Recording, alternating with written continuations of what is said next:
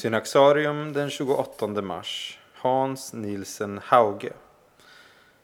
Hans Nielsen Hauge föddes år 1771 som det femte av tio syskon på gården Hauge i Tune socken i Norge.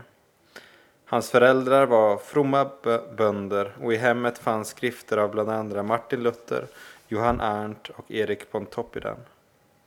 Själv funderade han från tidiga år mycket kring religiösa frågor men blev inte präst eller liknande utan fortsatte i faderns fotspår som bonde.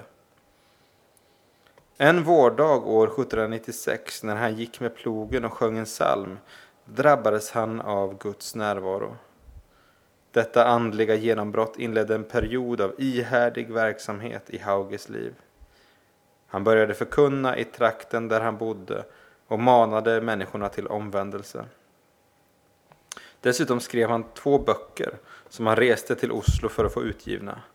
Samtidigt arbetade han för att ge ut en bok om den medeltida mystikern Johan Tauler som han uppskattade mycket.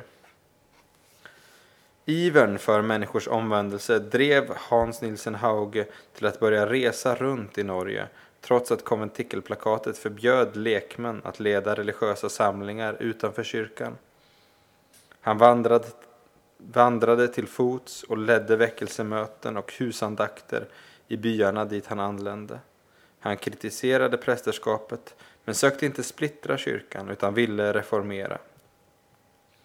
Hans aktivism och energiska läggning begränsade sig inte till den kristna trons område utan vart han kom gav han också råd och tips för det praktiska arbetet.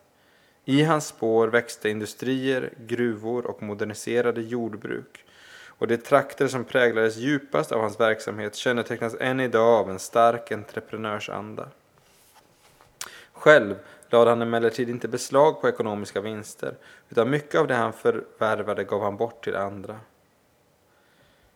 Efter sju års verksamhet arresterades han för brott mot konventikelplakatet. Han spärrades in under svåra förhållanden i nio år. Fängelsevistelsen bröt ner hans hälsa och när han väl kom ut kunde han inte fortsätta sitt resande. Han bosatte sig utanför Oslo och återupptog sitt författarskap. Totalt skrev han 33 böcker. Genom sina många resor och sitt omfattande skrivande formade han Norge, såväl andligt som ekonomiskt, på ett sätt som än idag bär spår.